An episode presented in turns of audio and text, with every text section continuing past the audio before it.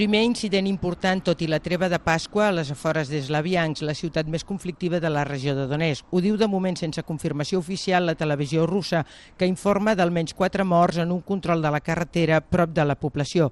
Quatre cotxes s'han dirigit al punt de control de milicians prorussos situat als afores de la ciutat i han disparat. Els milicians s'hi han tornat i les víctimes serien dels dos cantons.